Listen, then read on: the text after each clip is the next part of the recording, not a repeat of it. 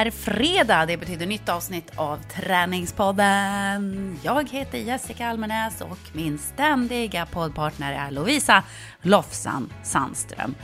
Eight years and counting.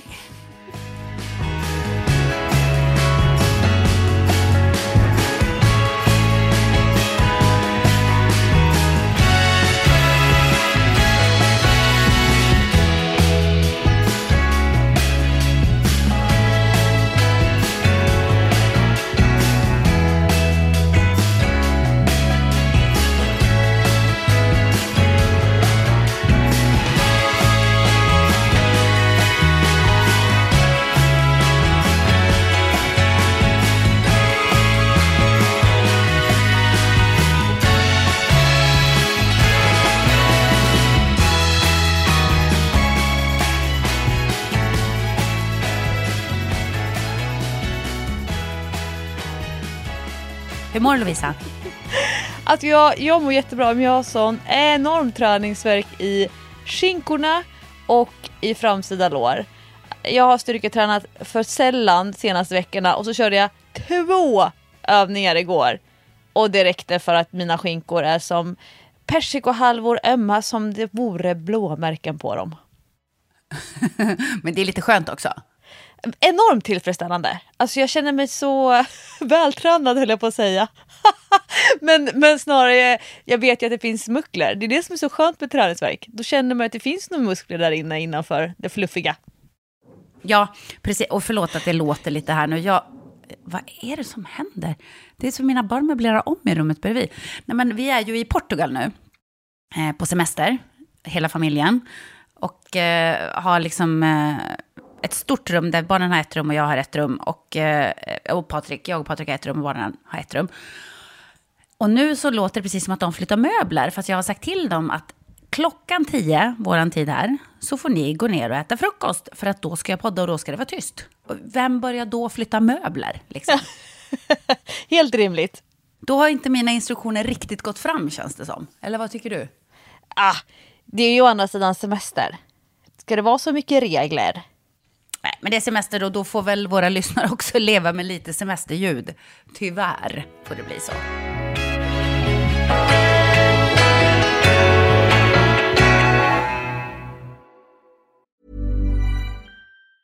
Life is full of awesome what ifs, and some not so much, like unexpected medical costs. That's why United Healthcare provides Health Protector Guard fixed indemnity insurance plans to supplement your primary plan and help manage out of pocket costs. Learn more at uh1.com. Burrow's furniture is built for the way you live. From ensuring easy assembly and disassembly to honoring highly requested new colors for their award winning seating, they always have their customers in mind. Their modular seating is made out of durable materials to last and grow with you. And with Burrow, you always get fast, free shipping. Get up to 60% off during Burrow's Memorial Day sale at burrow.com slash ACAST. That's burrow.com slash ACAST. burrow.com slash ACAST. Vi har ju lite självskryt till veckans avsnitt av Träningspodden. Ja, eh, faktiskt. Det måste man väl få skryta lite Det grann ibland. finaste Och, skrytet är självskrytet. ja, men lite så faktiskt. Och, och sen så blev hon ju också väldigt glad. Du skickade ju ett meddelande till mig och eh, jag snabbade mig själv att gå in på Svenska Dagbladet och titta. För där hade nämligen eh, en av deras skribenter tipsat om träningspoddar att lyssna på i sommar. Och vilka såg man på första sidan på Svenska Dagbladet? Om inte du och jag, Lovisa, i lite yngre format. jag, jag tror att Sam inte finns på den bilden. Han finns definitivt inte, det kan jag se på att jag har så platt mage. Så det, Ja. det, Det är din referensram. ja, ja, ja, och kolla på, dina, på ditt sixpack på den där bilden. Har du kvar det? Nej, det, det är lite ojämnare just nu kan jag säga. Jag säger ju, det är för att jag närmar mig med snabba steg 40. Ja, exakt. Och jag har ju passerat. Men det var, det var lite kul för att de eh, tipsade om eh, typ fem träningspoddar tror jag. Och om våran stod det då följande. Träningspodden är den mest välproducerade svenska produktionen i den högst ojämna floran av träningspoddar. Tv-programledaren Jessica Almenäs och träningsprofilen Lovisa Lofsan Sandström är två medieproffs som vet hur man fångar lyssnarna med berättelser om personliga missöden, jajamän, och tillkortakommanden, jajamän, i kombination med ett lyhört samspel. Podden handlar mer om praktiska tips, konkreta övningar och egna erfarenheter än vetenskapen bakom det hela. Kanske är det inte heller helt fokuserat på träning alla gånger, nej, nej, nej, men nästan alltid underhållande och lärorikt att lyssna på. Det var ju superkul! Va? Oh. Det en, enda lilla missen är att det står att det släpps på torsdagar. Och vi, vi kommer ju ut på fredagar, men det vet ju alla som lyssnar i alla fall. Ja, veckans bästa dag tycker ju många av oss som Ja, jag, jag höll på att säga håller på med träningspodden, men som lyssnar på träningspodden och som tränar.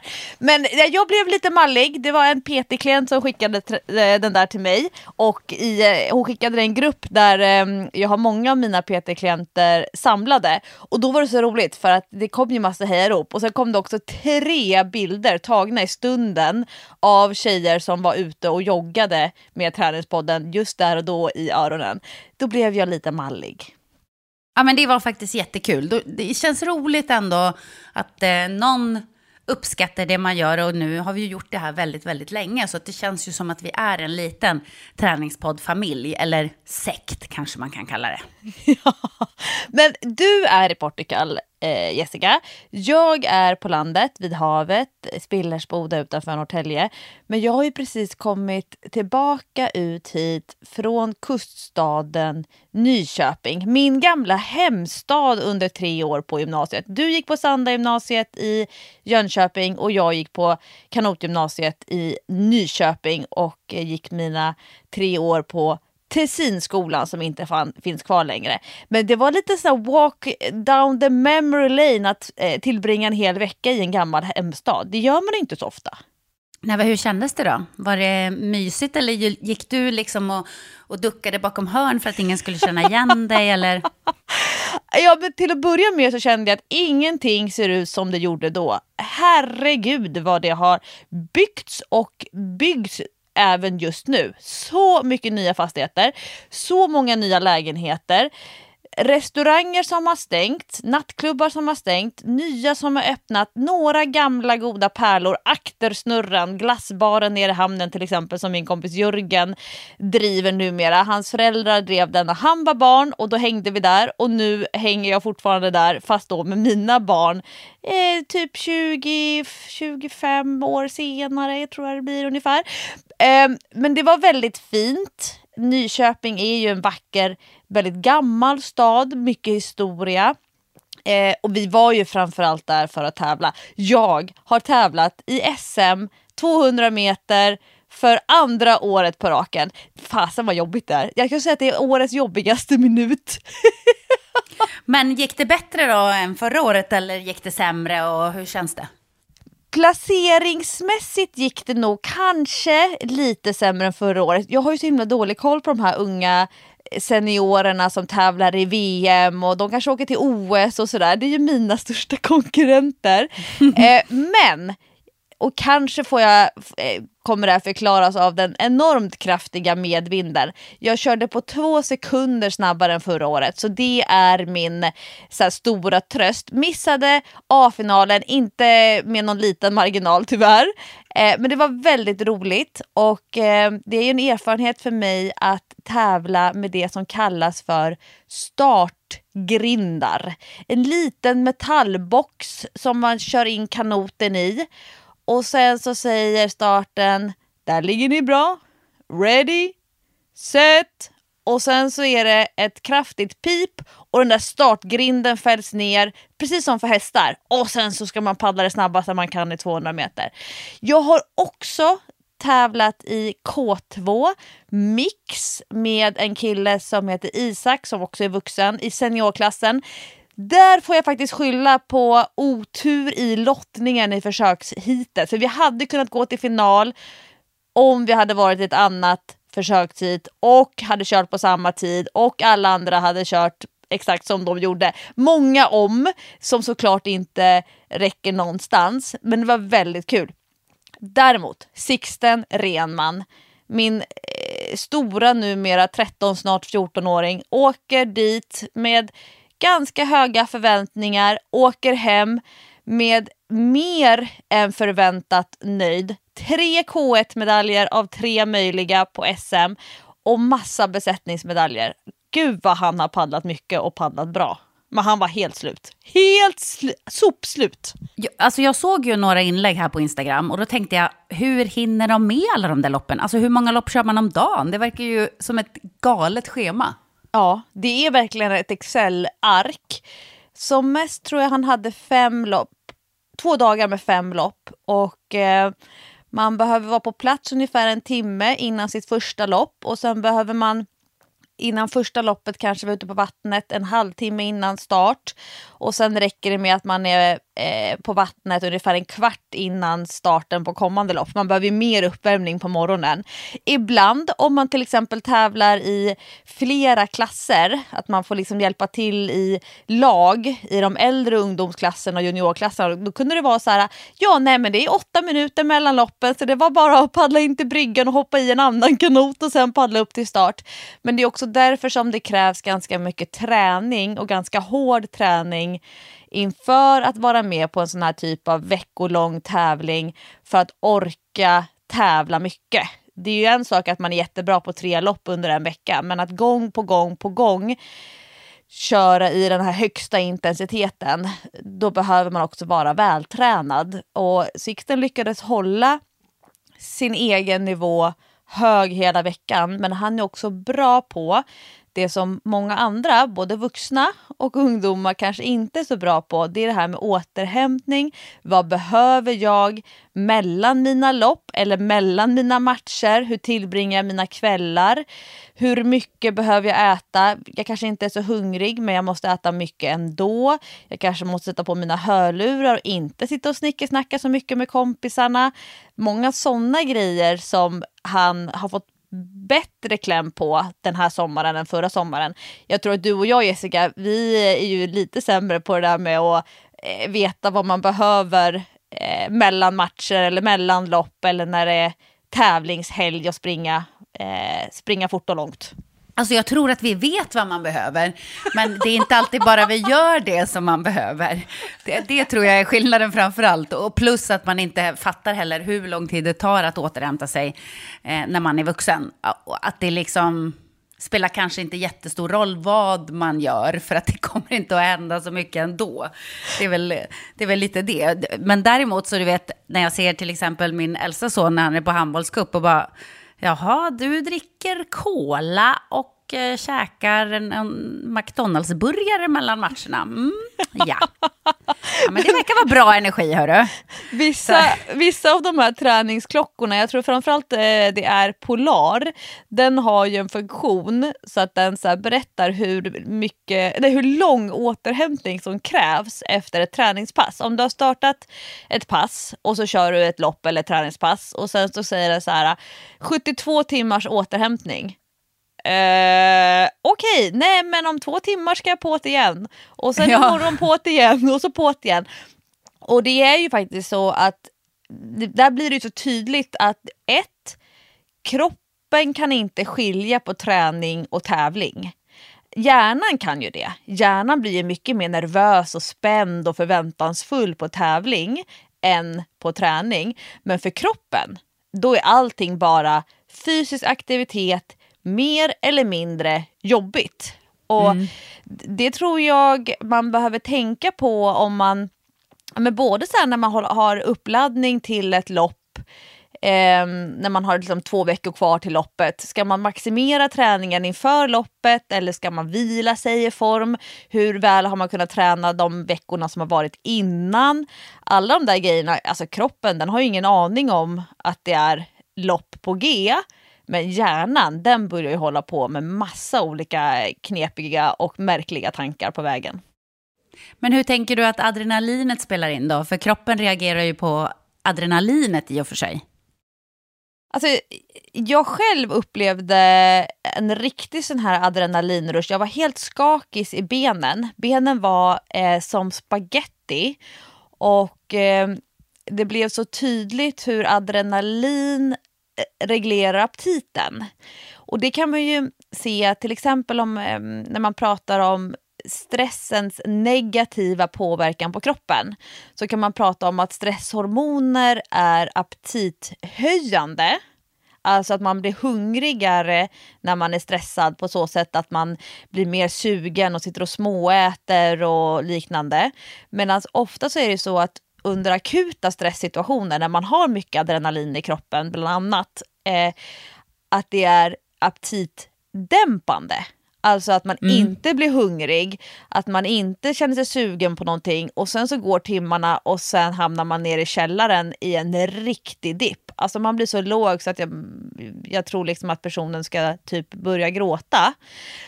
Um, och det kan jag känna så här, att man måste äta fastän man inte är sugen. Och det tror jag så här, du vet morgonen innan ett lopp. Och man kanske till och med gått upp extra tidigt och man är inte alls är sugen på att äta. Men man måste äta om man ska ha bränsle för att orka driva på kroppen. Och ska man göra flera lopp på eh, eller flera dagars lopp på raken eller om man ska träna hårt fler dagar på raken, då måste man tänka, och det här brukar jag så här, jag som har en chans att påverka ungdomar, vuxna är ju mycket svårare att påverka för att de är gamla hundar och så kan de inte sitta och det är väldigt svårt att lära dem att sitta. Men man kan tänka så här att okej, okay, det jag äter idag, det är det jag tränar eller tävlar på imorgon. Och det du äter mm. under den dagen, det är det som ska lappa och laga det som hände igår, men också det som ska presteras på dagen efter. Och det är det här, så här att det finns inga perfekta måltider, men du behöver vara bra på att fylla på med energi om du vill uppleva att du har energi. Och där är adrenalinet, ja. den gör, det gör ju stor skillnad med de där stresshormonerna. Det är klart att det är lätt att trycka i sig kakor för att man vill få i sig energi. Men frågan är hur bra de där kakorna är för kroppen dagen efter när du kanske ska göra något hårt igen, till exempel en, en vandringsvecka. Jag kan säga det att här på hotellet där jag bor, det är all inclusive, så att alla har liksom all inclusive. Här har folk, de måste ju ha mycket stresshormoner för det är inte mycket adrenalin, för jäklar vad de äter. Du vet, Ja, det är som Sunes pappa hela ja, gänget. det här också att man, man går på buffén och man har knappt lämnat buffén innan man börjar äta med fingrarna från tallriken innan man har satt sig vid bordet. Exakt! Och det är mat, kan jag säga, konstant här. Det finns massa olika restauranger. Så är det frukost först. När frukosten slutar, då tar det över snacks fram till lunch. Och snacksen kan liksom vara varmkorv, hamburgare, köttbitar, köttmackor. Alltså det är, inga, det är inga små grejer, utan det är rejäla snacks. Och sen är det lunch, och sen är det snacks, och sen är det middag, och sen är det snacks ända fram till midnatt. Och du vet, folk bara, de äter konstant. Och de tallrikarna de tar. Du vet när jag går runt och tittar på andra så tänker jag, men vad i helvete? Jag såg en man som tog, han hade en full tallrik, sen skulle han gå och ta bröd. Tog han fyra stora brödskivor ovanpå det och gick iväg med sitt berg till frukost. Och sen var det en annan familj på eftermiddagssnacket. De hade bara plockat fikabröd på en hel tallrik, som ett litet berg, där de satt fyra personer och bara mummade i sig av det. Och det var, det var en annan kille, du vet, det finns en glassbox man kan gå och ta i. Då finns det sådana små eh, bägare som man liksom ska ta glassen i. Då ryms det kanske två kulor. Nej, du vet, han hämtade en stor mattallrik, lassade upp ett berg av glass. Det, det hade jag också kunnat att, göra. det är som att folk är de här giriga barnen i Kalle och chokladfabriken. Du vet, det är bara så här, jag ska bara proppa i mig så mycket jag kan. Men man har ju själv betalat då, ju... för det. Det måste ju bli prisvärt i slutändan, tänker de. Ja, men sen får du ju betala för att gå på gymmet för att du ska bli av med alla äh, kilon som du har lagt på dig på semestern. Så det går liksom ett ut, känns det som. Nej, men jag, jag äter ju den här medicinen nu eh, för ADHD och då eh, påverkar det lite grann aptiten. Alltså man är inte så hungrig och man är inte så sugen på socker, vilket det gör ju inte mig något, för att jag har ju mulat i mig socker. Men däremot så är jag lite grann det där som du sa, att man måste eh, påminna sig själv om att äta, att man måste se till att man äter för bränsle. För att jag märker ju när jag inte ätit, då blir jag yr och svag och mår illa och bara jag mår inget bra. Och i värmen så är inte det så kul. Så att jag måste liksom tvinga mig att gå dit, äta mat och det smakar inte så gott och det är liksom mätt efter två tuggar men jag bara mm, mular i mig för att ge kroppen bränsle. Så nu kan jag förstå de som säger så här, men jag äter bara för för bränsle. För att jag har ju alltid ätit för att det är gott att äta. Att jag, jag älskar liksom mat, men eh, just nu är jag inte där.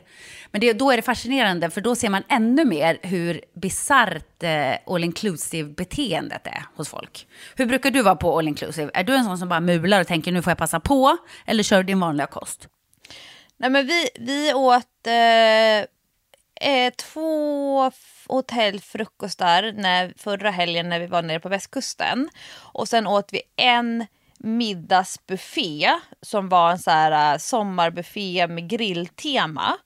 Och då på frukostbuffén, då är jag väldigt selektiv. Jag vill ha min skål med, ofta så tar jag fruktyoghurt eller så tar jag naturell yoghurt och så, om det finns en sån här bärkompott, då tycker jag det är så himla gott. Tycker det är jättekul att göra egen müsli när det finns massa olika skålar med frön, nötter, rostat, ehm, eh, de har kanske kört sån här, eh, havre och sånt i ugnen. Eller det som jag tycker är jättekul, det är när hotellet har gjort en egen müsli. Det tycker jag är jättespännande. Och sen så älskar jag när det är fint skuren frukt på stora fat. Problemet är ju när alla har varit där och plockat den där fint skurna jag frukten vet. och så ligger det där slamsorna kvar. Då kan jag bli lite... Ja, men, men vi hade sån tur, jag ska berätta en sak om det där med turbegreppet sen. Men vi var, hängde på låset typ en kvart innan frukostbuffén skulle öppna för att vi skulle åka iväg på, eh, till tävlingsplatsen. Så då var vi de första, första. De drog alltså av plastfolien för oss för att vi skulle få ta och då är jag så här mycket mer taggad. Eh, men jag brukar ta en stor tallrik med pålägg och det som kan vara från varmbuffén på frukost. Och sen en skål med någon mejeriprodukt, müsli. Frukten brukar jag både lägga i skålen och på tallriken. Sen brukar jag, om det finns ett gott bröd, ett sånt där lite lyxigt bröd som jag aldrig skulle köpa hem, typ bageribröd, om du förstår vad jag menar med det. Jag, jag lägger sällan Ja. rostis i eh, den här gigantiska brödrosten där alla skivorna finns. Utan men om det finns några kul bröd, då brukar jag ta det. Men den här grillbuffén, då tror jag att det var åtta eller nio olika kolhydratkällor som man kan välja mellan. Och då kan det vara så här, färsk potatis som är kokt, potatisgratäng, råstekt potatis, eh, makaronipudding, pommes frites, sötpotatis pommes frites. Alltså det var ju hur många sådana som helst. Och sen så var det dessutom då olika typer av rotfrukter i olika skålar. Och sen så fick man välja tror jag mellan fyra olika köttprodukter som var grillade. Och då tänker jag så här, men hur skulle jag ha ätit om Hans hemma hade grillat det här åt mig? Ja men då hade jag tagit en sån där kött och sen hade jag tagit den där potatisen och så hade jag tagit massa sallad. Då blandar jag inte allt hejvilt. Däremot så gör jag det som jag kanske inte skulle göra hemma. Det fanns väl kanske sju olika såser på en sås, stort såsbord. Hemma så gör vi ju en sås som passar bra. Alltså är det en fisk, ja men då kanske det är en vit sås. Är det en köttbit, ja men då kanske det är bea. Är det kyckling så kanske det är någon vitlökssås eller tzatziki. Men nu tog jag två såser. Men jag såg ju folk som tog en stor tallrik med alla sorters kött och alla sorters såser. Liksom, det blev som en sån här, eh, du vet platta för konstnärer när de står och målar. Så det är liksom en massa kluttar på den där plattan som de har Åh tummen nej, upp nej. och så hade de en hel tallrik bara med massa olika kolhydratkällor och inga grönsaker. Men det finns ju en sån här äh, klassisk bufféfälla. Det här har jag pratat om ganska många gånger i Träningspodden för det är en utmaning med människor som alltid äter sina jobbluncher på eh, bufférestauranger. Eh, där, när man testar eh, människors känsla för aptit och mättnad så har det visat sig att eh, mättnad och så här, nöjdhet i ätning ofta är kopplat till antal smaker som hjärnan uppfattar. Alltså att man blir mätt för att man är klar med smaken. Okej! Vadå, så att det, det, du blir mättare om du äter en smak än om du äter tio? Ja, och framförallt du äter en smak och sen så kommer du på en annan smak och då får man ett litet nytt sug. Och så kommer det tredje smak och så kommer en fjärde smak. Och lägger man då massa olika sorters eh, sås och olika sorters kolhydrater och olika sorters kött, då får man hela tiden liksom nya signaler. Så då kan man äta Mm. mer än vad man skulle vilja göra om det bara var en gryta med ris. Då smakar ju typ allting likadant och då kommer man känna kanske mättnad eller snarare nöjdhet tidigare för att det är inte så himla roliga smaker efter 5-6 minuter. Gud, det här visste jag inte om. Vad intressant. Så, det är roligt att Trädgårdspodden lyssnare kommer säga så här, men gud Lovisa det där har du pratat om så många gånger i Trädgårdspodden, men Jessica Och jag har ingen det för aning. första gången. Ja. Nej, det är jättesjukt, men jag kommer inte ihåg något och det vet du ju. Så att det, för mig är det spännande. Du kan ju säga samma sak varje avsnitt. Det kommer inte att göra någon skillnad. Eh, nej, men vad, vad intressant. Jag fattar. För nyckeln till att, att lyckas med, med buffé, det har man ju kommit på. Det är ju att först gå ett varv och se vad finns det. Och sen bestämma sig för att jag vill äta eh, den här friterade fisken med potatis och en sås idag och lite grönsaker. Men börjar man bara gå och ta grejer, då tar man ju först sånt som man tycker är så lite halvgott. Ja, men det här ska jag ta lite, det här ska jag ta lite. Och sen kommer det goda och då tar man mycket. Och sen kommer man ut med det där berget och man vet liksom inte, okej, hur ska jag äta det här? Och så blir det liksom ingenting, utan man äter bara en massa olika grejer. Det blir ingen vettig måltid. Så det har jag kommit på, att man ska gå runt och kolla läget på buffén. Det, det är verkligen eh, det bästa att göra.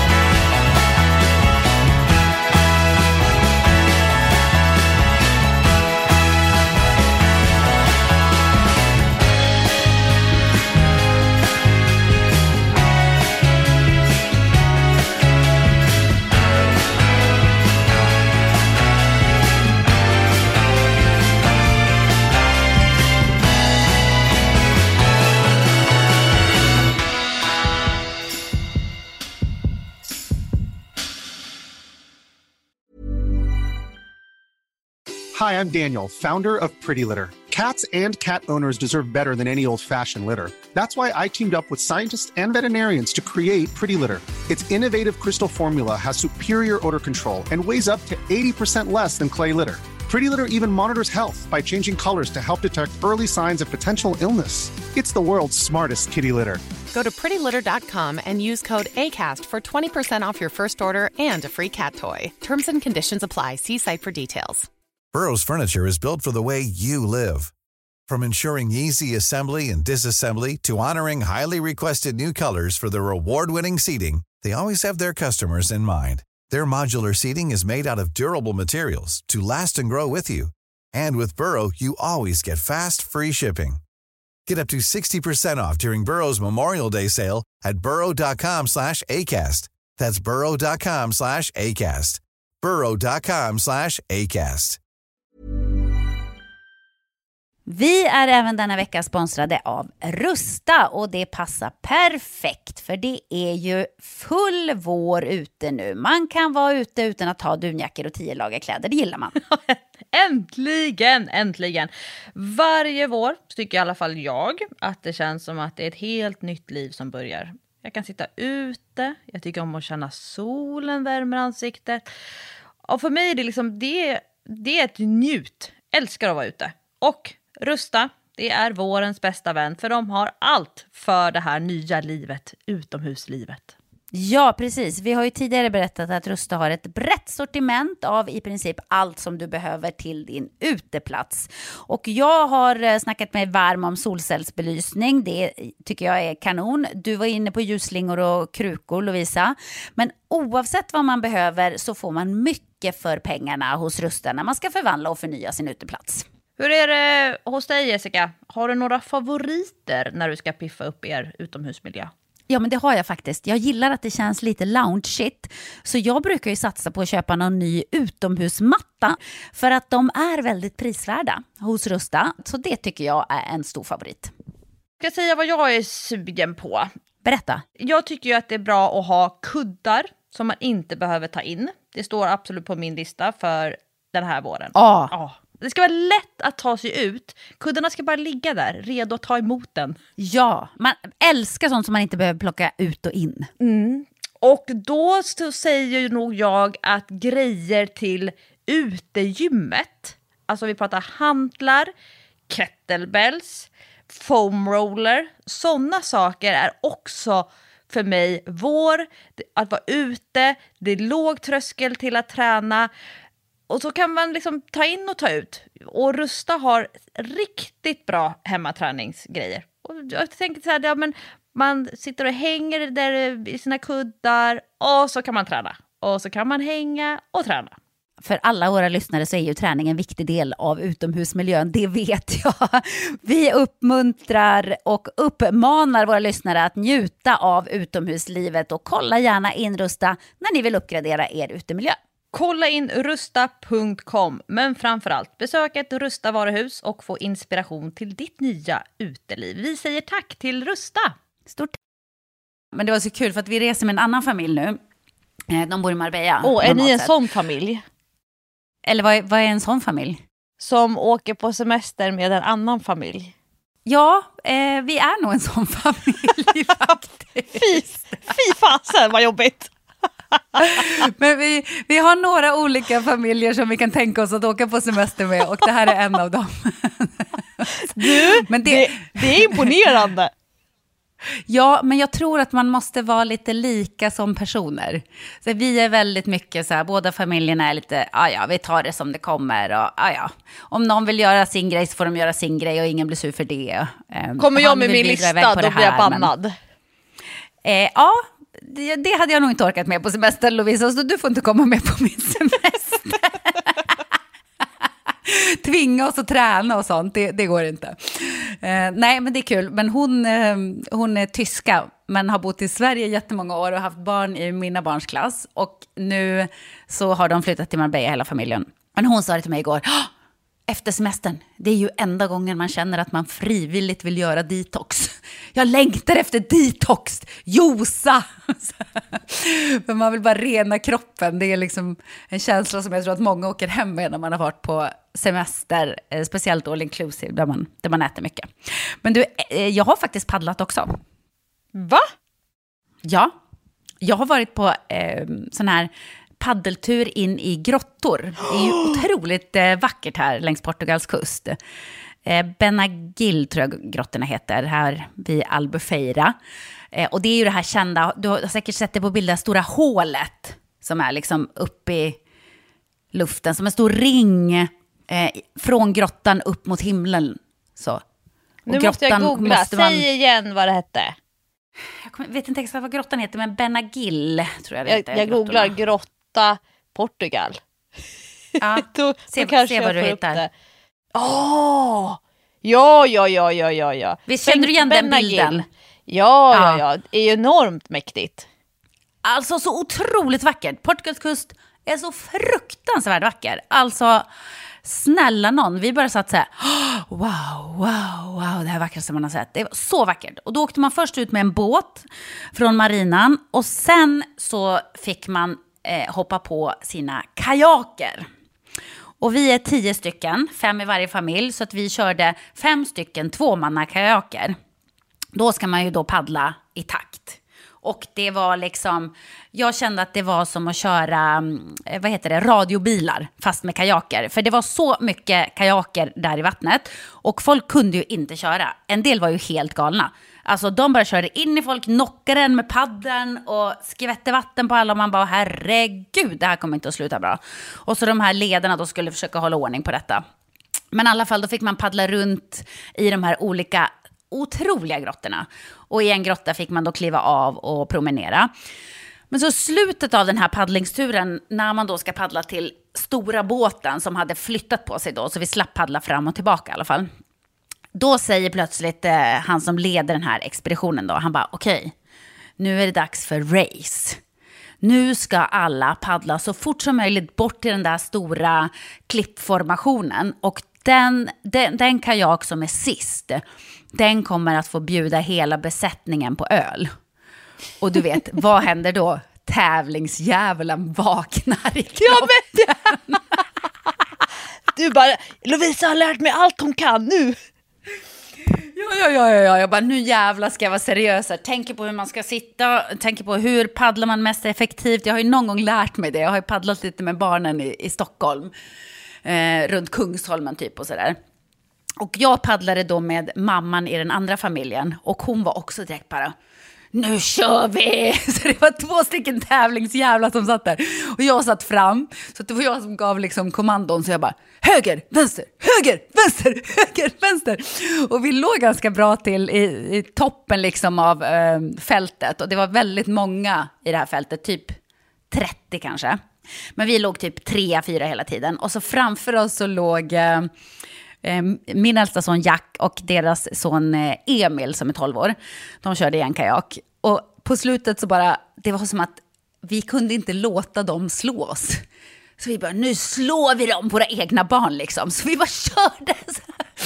Sån jäkla puls och mjölksyra när vi gasade i mål. Men jag, jag tror faktiskt att de var 10 centimeter före oss ändå. Men det är roligt när tävlingsdjävulen slår till, även i någonting som man inte riktigt eh, behärskar. Men plötsligt så var det som att vi var på OS och ja. körde så här tvåmannakanot. Ja, det var väldigt roligt i alla fall. Det är kul att paddla, men det är jobbigt. Ja, ja. De hade mm, tre ploj... Eh, tävlingar på SM nu eh, med någonting som kallas för Mega SUP. Alltså, Oj, under, vad är det? Ja, men under pandemin, då var det ju verkligen som att taktält på bil och SUP, ja. det var ju verkligen ja. bommade. Verkligen. Alla skulle suppa och det är kul också. Det är ju jätteroligt. Och då eh, har de eh, tagit fram någonting som är en megasupp som då är alltså en gigantisk suppbräda som pumpas upp med en sån här mm, pump. Jaha, ja, mm, jag vet exakt. Och så kan man vara, jag tror att man kan vara åtta personer på den, men vi körde sexmannalag. Ja, gjorde vi. Sexmannalag. Och då hade de en av dagarna, då var det för alla kids upp till 12 år som skulle tävla. An, en annan dag, då var det, eh, då var det ro, roligt Göteborgsgrej. Nu ska vi se. Mega Sup Supporter Race typ, alltså SUP-supportrar. Då fick liksom alla supportrar, alla föräldrar, ledare, släktingar, då fick alla de tävla. Och sen så en av dagarna så fick alla ungdomar tävla. Och då ska de alltså köra 100 meter, stillastående start, sex personer på varje bräda. Och det var ju så många olika tekniker. Vissa står ju upp så som man gör om man är duktig på att suppa alltså står upp och ser så cool och snygg ut. Andra ja. stod på dubbelknä, knästående. Och några mm. körde halvt knästående som blir liksom Inom kanot så kallas det för eh, C1-paddling. Det här är ju en OS-gren. Där man står på ett knä och en fot. Och så liksom, ah, hej, okay. hej! Och då eh, och så hade de typ ofta, de som var framgångsrika, de körde i takt. Eh, det var liksom en grundförutsättning för att ändå liksom komma, åka framåt. För att kör man otakt så fanns det risk att man började svänga. De hade tänkt till så här kring eh, vem som ska vara på vänster sida och vem som ska vara på höger sida. Att det skulle vara jämvikt eh, i eh, stora människor, tunga människor, men också starka. För att om det är några som är för starka på vänster sida då kommer den svänga väldigt kraftigt till höger. Men det var så roligt när det var så här sex personer på en stor megasup. Inte för att jag behöver köpa ytterligare en, ett kanotfordon. Jag har en vanlig SUP, jag har en surfski-kanot och sen har vi två tävlingskanoter och sen har vi en lite snällare ungdomskanot. Jag kan inte köpa en megasup också, men det såg så himla roligt ut. Jag fick dock inte testa för vi prioriterade kidsen framför, framför oss tränare. Men det såg väldigt roligt ut och alla blev tävlingsdjävlar. Plötsligt blev det ju en lagsport det där. Ja, och jag kan tänka mig att det måste, jag hade nog börjat skratta. För sex personer som ska eh, samverka och eh, paddla i takt, ha ha ha, säger jag bara. Ja. Det, det måste se roligt ut. Verkligen kul. Men du, i övrigt då, så har jag faktiskt inte tränat något. Jag har inte ens besökt gymmet här. Eh, för att jag har, efter jag var i New York, en hosta som inte ger med sig. En riktig rosselhosta som att det känns som att man bara hostar upp halva lungan varje gång man hostar. Eh, och jag har inte hostat så sen jag hade corona första gången. Mm. Och det, nu har den ju hållit på i en månad den här hostan. Jag fattar inte vad det är, men jag har blivit liksom lite feg. Så jag säger, men ska jag verkligen träna när det känns så mycket i bröstet? För hostan sitter inte i halsen, utan den är verkligen i bröstet. Och dessutom så har jag märkt när pulsen går, eller när jag anstränger mig lite, så är det som att pulsen bara skjuter i taket. Så att jag får hjärtklappning verkligen. Och då är det väl lika bra att jag inte tränar, eller?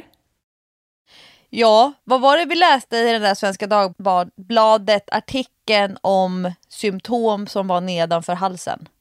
Ja, jag har ju redan glömt. Men nedanför halsen ska man ju inte träna. Nej, jag skulle inte träna med djuphosta. Nej, så att jag måste helt enkelt hålla mig borta från det. Men du vet ju hur det känns, och alla som lyssnar vet ju det också. Det känns ju, man får ju panik. Varje dag som går så känner man ju så här paniken och att man nästan ser hur ens muskler krymper. Mm. Jag kan nästan se det på kroppen så här. Nej, idag har muskeln krympt tre millimeter till. Ja, när jag försöker spänna min bicep. Det, det, det kommer att kännas som att börja om på noll. Och jag vet att det bara är en känsla i huvudet. Men det är den, nästan den obehagligaste känslan jag vet. När man Träningsstress är fruktansvärt. Ja! Man, det är som en känsla av att kroppen förfaller inför mina ögon. Och så tänker man så här, herregud, allt jag har gjort det här året, all träning jag har lagt ner, eh, all basketträning, allt måste jag börja om med. Det, det är jätte, jättestressande. Och så varje morgon så vaknar jag och den där jävla hostan är kvar. Jag tänker, när ska det här ta slut? Oh. Tålamod. Ja, jag vet, men det är jättejobbigt. Jätte, jättejobbigt. Och tråkigt, för att det brukar ju vara på mina semestrar så brukar det vara ett stående inslag. Jag tycker att det är väldigt skönt att få ut den energin, att ha en timmes träning varje dag. Dels för att man får vara för sig själv eh, och dels för att man mår bättre när kroppen får jobba. Speciellt när man lever lite dekadent som man ofta gör på semester. Så är det skönt att få röra på sig också. Så att... Det har inte blivit riktigt som jag tänkt, men jag försöker ta det med ro. Det går sådär. Men vi får se. Jag har tränat.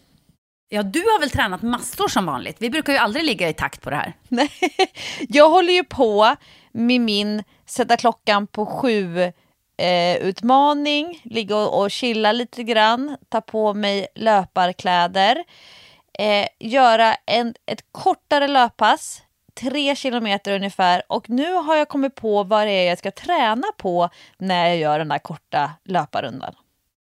Mm, spännande, berätta. Ja.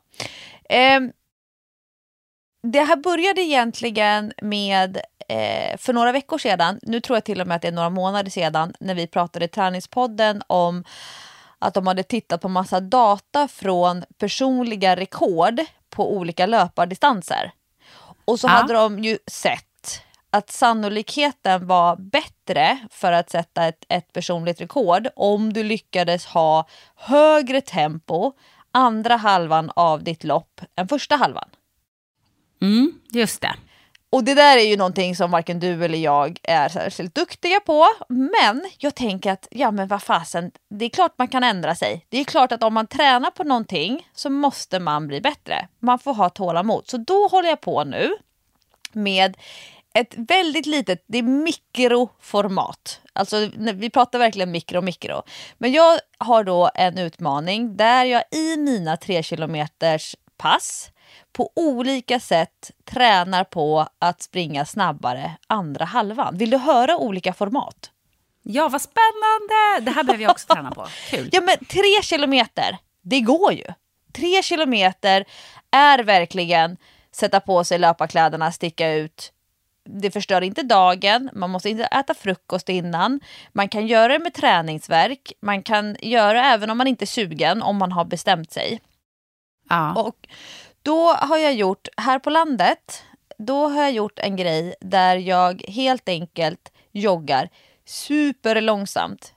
1500 meter prick. här tar vi inte i någonting i överkant utan det här är verkligen så här. När klockan slår över till 1,5 kilometer på GPSen, då stannar jag. Och sen, då är ju... Även om du känner dig sugen att springa ja, på? Ja, ja, ja. Du har bestämt dig bara, jag får inte springa längre. Ja, men jag tror att när du höll på med din 1,6 kilometers runstreak, Ja. då upplevde jag från sidan att du var lite likadan. Att så här, det behövs gränser för att man ska kunna göra så där himla många dagar på en period. Ja. Ehm, så att även om jag så skulle vilja springa fyra kilometer så tänker jag så här, men tänk om jag då inte är sugen att springa imorgon. Så att jag har liksom så här, nu, en- okej 1500 meter. Då stannar jag. Och så har jag en liten rörlighetsrutin. Alltså jag känner mig lite grann som en, en tant eller en farbror som du vet man kan se när de står och så gympar helt ensamma eh, i en glänta eller vid ett utegym. Så, så, så ser man så här, oj, här, det står verkligen och gympar och det är jag. ja, men det är det gulligaste. Det är så gulligt. Och jag tror att det här att gympa kroppen det är någonting som vi är många som skulle behöva göra. Nu har jag en rutin som jag liksom återupprepar i princip varje gång. Men jag tänker nog att det kanske än, vore ännu bättre. Vad är kroppen sugen på? Att det inte ska vara så här ett förbestämt schema, att man måste ha kollat på Youtube och så vidare. Men jag gör då, jag breddar lite grann på fötterna. Det här blir verkligen recensionen från Svenska Dagbladet. Praktiska tips och egna erfarenheter. ja. Jag breddar lite på fötterna och sen så fäller jag mig framåt och så gungar jag fem gånger där nere. Och sen så sträcker jag upp armarna i himlen och så gungar jag fem gånger där uppe bakåt. Och så gör jag det tre varv. och sen gör, sätter jag händerna på höfterna. Då känner jag mig som en sån här eh, veteran badmintonspelare. 65-70 år gammal och så eh, liksom juckar jag och cirklar på höfterna. Liksom värmer upp eh, ja, men höfterna som att jag hade haft en rockring eh, runt midjan. Och så gör jag typ fem varv åt ena hållet och fem varv runt andra hållet. Och sen så gör jag lite gående knäkram, kramar om knät och sen byter jag ben och går framåt lite grann. Kanske gör tio sådana. Sen gör jag lite strutsgång. Då tar man korta steg och så gungar man där nere på varje steg. Jättebra för baksida lår. Och så tio armcirklar framåt, tio armcirklar bakåt. Och sen, sen börjar den här tempoökningen i löpningen. Då har jag kört här på landet.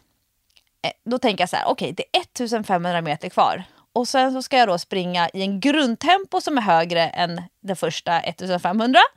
Och sen så har jag gjort lite olika varianter. Men ibland, då har jag gjort en 10 stega ökning. Heter det så? 10 stega ökning? Ja, 10 stegs ökning. Tio, tio stegs ökning är det nog. 10 stegs ökning. Jag tänkte på 10 mila orienteringen. Det här, det här är en ny erfarenhet eh, för mig. Då har jag gjort, jag kanske har eh, 400 meter kvar tills jag är klar. Tills jag är tillbaka där jag började. För jag gör ju inte det här i en runda. Utan det är verkligen hälften bortåt, hälften hemåt. Var tionde steg, efter tio steg, då försöker jag öka tempot lite till. Och sen kommer det bli så att steg 8, 9, 10, då har man ju tappat lite grann av tempot. Men då försöker jag igen markera en tempoökning. Och sen 10 steg och så markerar jag igen. Så att jag är väldigt så här medveten om lite snabbare, lite snabbare igen, lite snabbare igen. Och kommer fram till eh, stugan med ungefär 94 procent i maxpuls Mm. utan att egentligen ha pressat mig eller ehm, jobbat med massa intervaller. Utan 1,5 kilometer i högre tempo än vad jag hade första halvan och sen sista 400 metrarna var tionde steg driva på lite hårdare. Ett jätteskönt sätt att ehm, få in mycket löpning sett över en månad. Men jag har också gjort en helt annan grej som var fruktansvärt jobbig med samma koncept. Och det här blir en väldigt så här lokal, eh, vad ska man säga, lokalfokuserad grej. I Nyköping, nu hamnar vi i mina gamla hemtrakter igen. Då finns Aha. det en tusen meter lång pir. Och den liksom ramar in kanotstadion med vågbrytare och liknande. Och då körde jag, då fick jag med mig några föräldrar på det här. För de, de är ju så tacksamma över att jag håller på att styra upp och ställer. Och så blir de ju lite oroliga för, men Lovisa, jag kommer inte hänga med dig. Ja, men ni får springa i förväg. Så säger jag, nej, nej, nej. Nu ska vi jogga långsamt. Så då joggade vi långsamt hela vägen ut på piren. Gjorde lite gymping och de var så här, åh oh men gud, det här var jätteskönt och det här är bra för mina höfter och väldigt så här, göttigt för kroppen. Och så gjorde vi en fruktansvärt jobbig tusing då på vägen tillbaka. Starta lugnt efter 250 meter. Och då är det liksom markerat med bojar ju för de som paddlar och tävlar. Men då gjorde vi en fartökning. Eh, och ytterligare 250 meter, alltså 500 meter, ökning igen. Och sen kommer man till 750 meter och då är det slutspurten. Och sen in i mål 1000 meter. Och då hade jag 97 procent i maxpuls. På ett sånt där kort grej som tar 17, 18, 19, 20 minuter. Alltså så intressant och så roligt. Och jag tror på riktigt att det här mikroformatet av att springa snabbare andra halvan skulle kunna hjälpa många att bli mer medveten om okej, okay, andra halvan kommer sen. Håll tillbaka. Håll tillbaka. Mm. Så det här blir ett litet tips till alla de som har blivit sugna på att faktiskt kunna avsluta sina lopp i ett högre tempo andra halvan än första halvan. Och gud vilket eh, bra och enkelt tips att göra och ett enkelt tips också att faktiskt komma upp i maxpuls. För att det är ju viktigt för alla att komma upp i puls flera gånger i veckan. Man ska ju göra det egentligen för hälsans skull. Eh, och det här var ju ett jättebra tips om man känner sig, jag orkar inte hålla på länge, jag orkar inte när det blir för jobbigt. Men här lurar du dig själv nästan till att komma upp i, i bra puls. Ja, alltså det är kort och koncist och det är låg tröskel och det tar inte så himla många minuter. Eh, och ju fler gånger man gör det, desto bättre lär man känna sin kropp. Så det, det blir eh, veckans tips i Träningspodden, förutom nu att vi har kommit med massa varningsfingrar kring det här med buffé. Vi ger ja, och tar du, blandat här. Jag vet att vi hade förberett en fråga som vi skulle svara på. Eh, ska vi göra det? Kan vi göra det relativt eh, kort och koncist? Vi kör, jag kör snabbis. Ja. Älskar snabbisar. Eh, en lyssnarfråga. Hur lägger man upp ett träningsprogram för en absolut nybörjare på löpning som behöver långsam progression? Jag har stora löparboken för kvinnor hemma men tyvärr är progressionen för snabb för mig och slutar alltid i skador. Vill gärna kunna springa fem kilometer. Mm, vad säger du då? Ja, men jag har gått och klurat på den där äh, lyssnarfrågan i ungefär en vecka nu. Och eh, då har jag kommit fram till ett svar som jag tror passar väldigt många som vill kunna följa ett så standardprogram där man inte har ett individualiserat upplägg som en coach har gjort bara för en själv. Men eh, jag tycker att eh, programmen i Stora löparboken för kvinnor, särskilt för de kortare distanserna, passar riktigt bra för att återupprepa samma vecka flera veckor på raken. Mm. Om man mm. inte kan springa fem kilometer än, för jag tror ju att de allra flesta skulle kunna träna sig upp till en lunk på fem kilometer. Då är programmet tillräckligt varierat för att man ska känna sig utmanad. Men kör vecka ett en vecka till, kanske en tredje vecka. Kör vecka två en vecka till, kanske en tredje vecka. Så att man låter det ta längre tid. Man har inte den här kraftfulla progressionen men man får in volymen, man får in variationen och framför allt här, eh, ehm, att man kan få in kontinuiteten med att försöka kunna springa ungefär varannan eller var tredje dag flera veckor på raken. Så det är mitt tips för den som vill följa ett standardiserat löparprogram men tycker att progressionen är för tuff. Stanna kvar, ha tålamod. Men det är ju faktiskt ett jättebra tips. Och speciellt om man inte har någon eh, tidsgräns för det man ska göra. För att eh, ofta om man följer ett löparprogram då kanske man har ett lopp som kommer. Och för att man ska klara det så måste man följa programmet hyfsat. Men är det bara så att man har bestämt att jag skulle vilja klara fem kilometer, eh, då kan man ju hålla på med programmet hur länge som helst i princip. För det viktiga är ju bara att få regelbunden löpträning. Mm, exakt. Och sen progressionen får man ju känna på, på kroppen själv då. Vad pallar jag? Vad tycker jag känns bra? Vad tycker jag känns kul? Och inte kanske springa om man har ont, utan hellre vänta en dag extra. Att inte ha någon stress eller träningspress, Jessica Almenas. Nej, jag vet. Och jag känner mig så orolig för mig själv nu. när jag ska sätta igång igen. För att jag vet ju hur det brukar vara för mig när jag ska komma igång. Jag har ju inte tålamod att, att låta det ta tid. Utan det är ju verkligen så här... Om jag skulle hoppa på ett program på, i stora löparboken för kvinnor nu, när jag har varit sjuk här, då skulle jag ju inte liksom, åh, jag kör vecka ett en gång till. Jag skulle försöka köra fem veckor på en vecka. Ja. Det, det, det är inte heller bra. eh, kommer du ihåg att jag sa jag skulle säga en sak apropå det här med tur? Eh, för en stund sedan. Eh, kommer du ihåg Ingmar Stenmarks sägning? Vad var det han sa i någon intervju om att ha tur? Eh, ja, han sa att eh, ju mer jag tränar, desto mer tur har jag. Ja, just det. Det var så det var. Mm. Och förra veckan, då var jag på eh, Stadsvakten, tror jag det heter. Ett hembygdsmuseum i Nyköping. Så hade de en, eh, har de en hel utställning som handlar om en av världens främsta olympier genom tiderna, kanotisten Gert Fredriksson.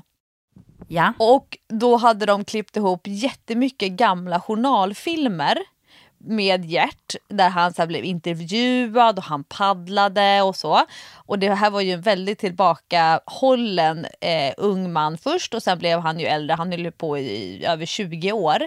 Men då var det OS i Melbourne, jag kan inte säga vilket år det var, 1940, mm, 1950 någon gång där. Jag tror 36.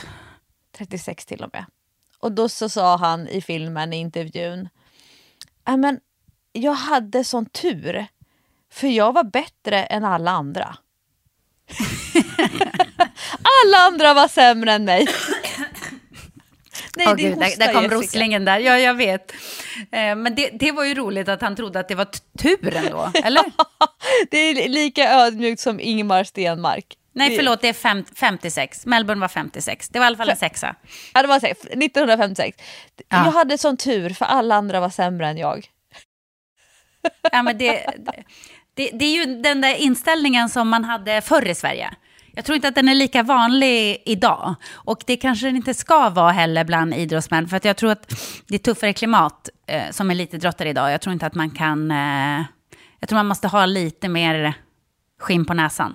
Ja, och vi har ju mästerskap. Vi har mästerskap i simning och vi har mästerskap i fotboll framför oss. Det ska bli så kul att följa. Men Jessica, nu ska du få sticka ut till eh, stranden. Ja, jag har ju bara en dag kvar här nu i, i, Portugal och eh, vi ska till någon sån här otroligt vacker strand. Igår var första gången vi åkte liksom utanför hotellets strand eh, och hotellets pool och hittade, eh, vi åkte till en av de här stränderna vi såg från båten när vi skulle besöka de här grottorna. Och det var en, jag, jag tror att det var, det är topp tre de finaste stränder jag har sett i hela mitt liv. Och man kände också så här, wow, den här viben gillar jag. Människor var lite yngre, lite snyggare, lite coolare. Alla tjejer solade topless. Det var bara så här, det här, det här känns Portofino nästan. Det kändes sådär lite italienskt oh. lyxigt. Ja, jag gillar det. Så det blir något sånt idag, sista dagen här på resan. Och sen så blir det hem, detoxa och träna hjärnet 17 pass om dagen. Heja! Jag ser fram emot eh, de andra turisterna när de smygtar bilder när du eh, ligger topless på stranden. Vet du vad, jag har inte hört en enda svensk röst. Det är, det är så underbart. du kommer. Det finns inte en svensk människa i närheten och jag älskar det. Du vet Lovisa, jag gick bananas när det var kolloparty här på hotellet häromdagen. Jag hade roligare än femåringarna. Alltså jag och mamman i andra familjen, vi bara körde. Vi hade mest färg av alla på oss. Vi dansade med i alla danser. Du vet, de har ju olika danser för alla sånger liksom. Så står det några lekledare längst fram och kör de här danserna, koreografi. Jag har aldrig varit med om maken, du vet jag brukar vara så rädd. Jag ställer mig i ett hörn när det kommer koreografi. Nej, nej, nej. Jag körde på och dansade fel och gick in i folk och skrattade åt det och dansade vidare. Fy fan vad det var roligt. Det är helt underbart. Så att... Eh, Sista dagen blir det nu njuta och sen eh, återkommer jag nästa vecka och då får vi se hur det har gått om jag har kört igång med en riktig rivstart nu när jag måste göra omstart på min kropp efter en månads sjukdom. Akta så du inte bränner bröstvårtorna nu när du tar av bikinin för du har ju inte samma soltolerans där. Nej, det har du rätt i. Eh, jag har bränt rumpan redan. Jag glömde smörja rumpan. Och så hade jag en röd stjärt och fick gå med shorts i tre dagar. Så det var lite tråkigt. Men... Stort tack för att ni lyssnar på Träningspodden varje vecka genom hela sommaren. Ja, vi hörs igen nästa fredag. We love you. Träna lugnt. Puss puss! Hej då!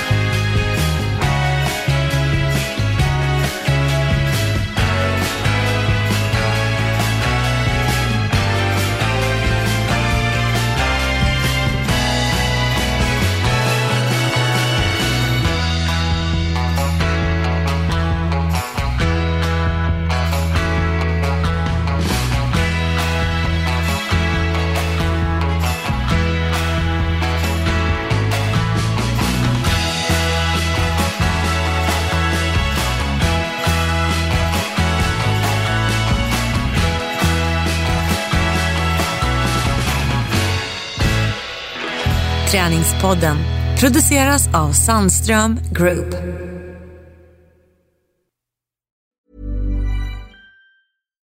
Deserves the best, and there's no better place to shop for Mother's Day than Whole Foods Market. They're your destination for unbeatable savings, from premium gifts to show-stopping flowers and irresistible desserts. Start by saving 33% with Prime on all body care and candles. Then get a 15-stem bunch of tulips for just $9.99 each with Prime. Round out Mom's menu with festive rosé, irresistible berry chantilly cake, and more special treats. Come celebrate Mother's Day at Whole Foods Market.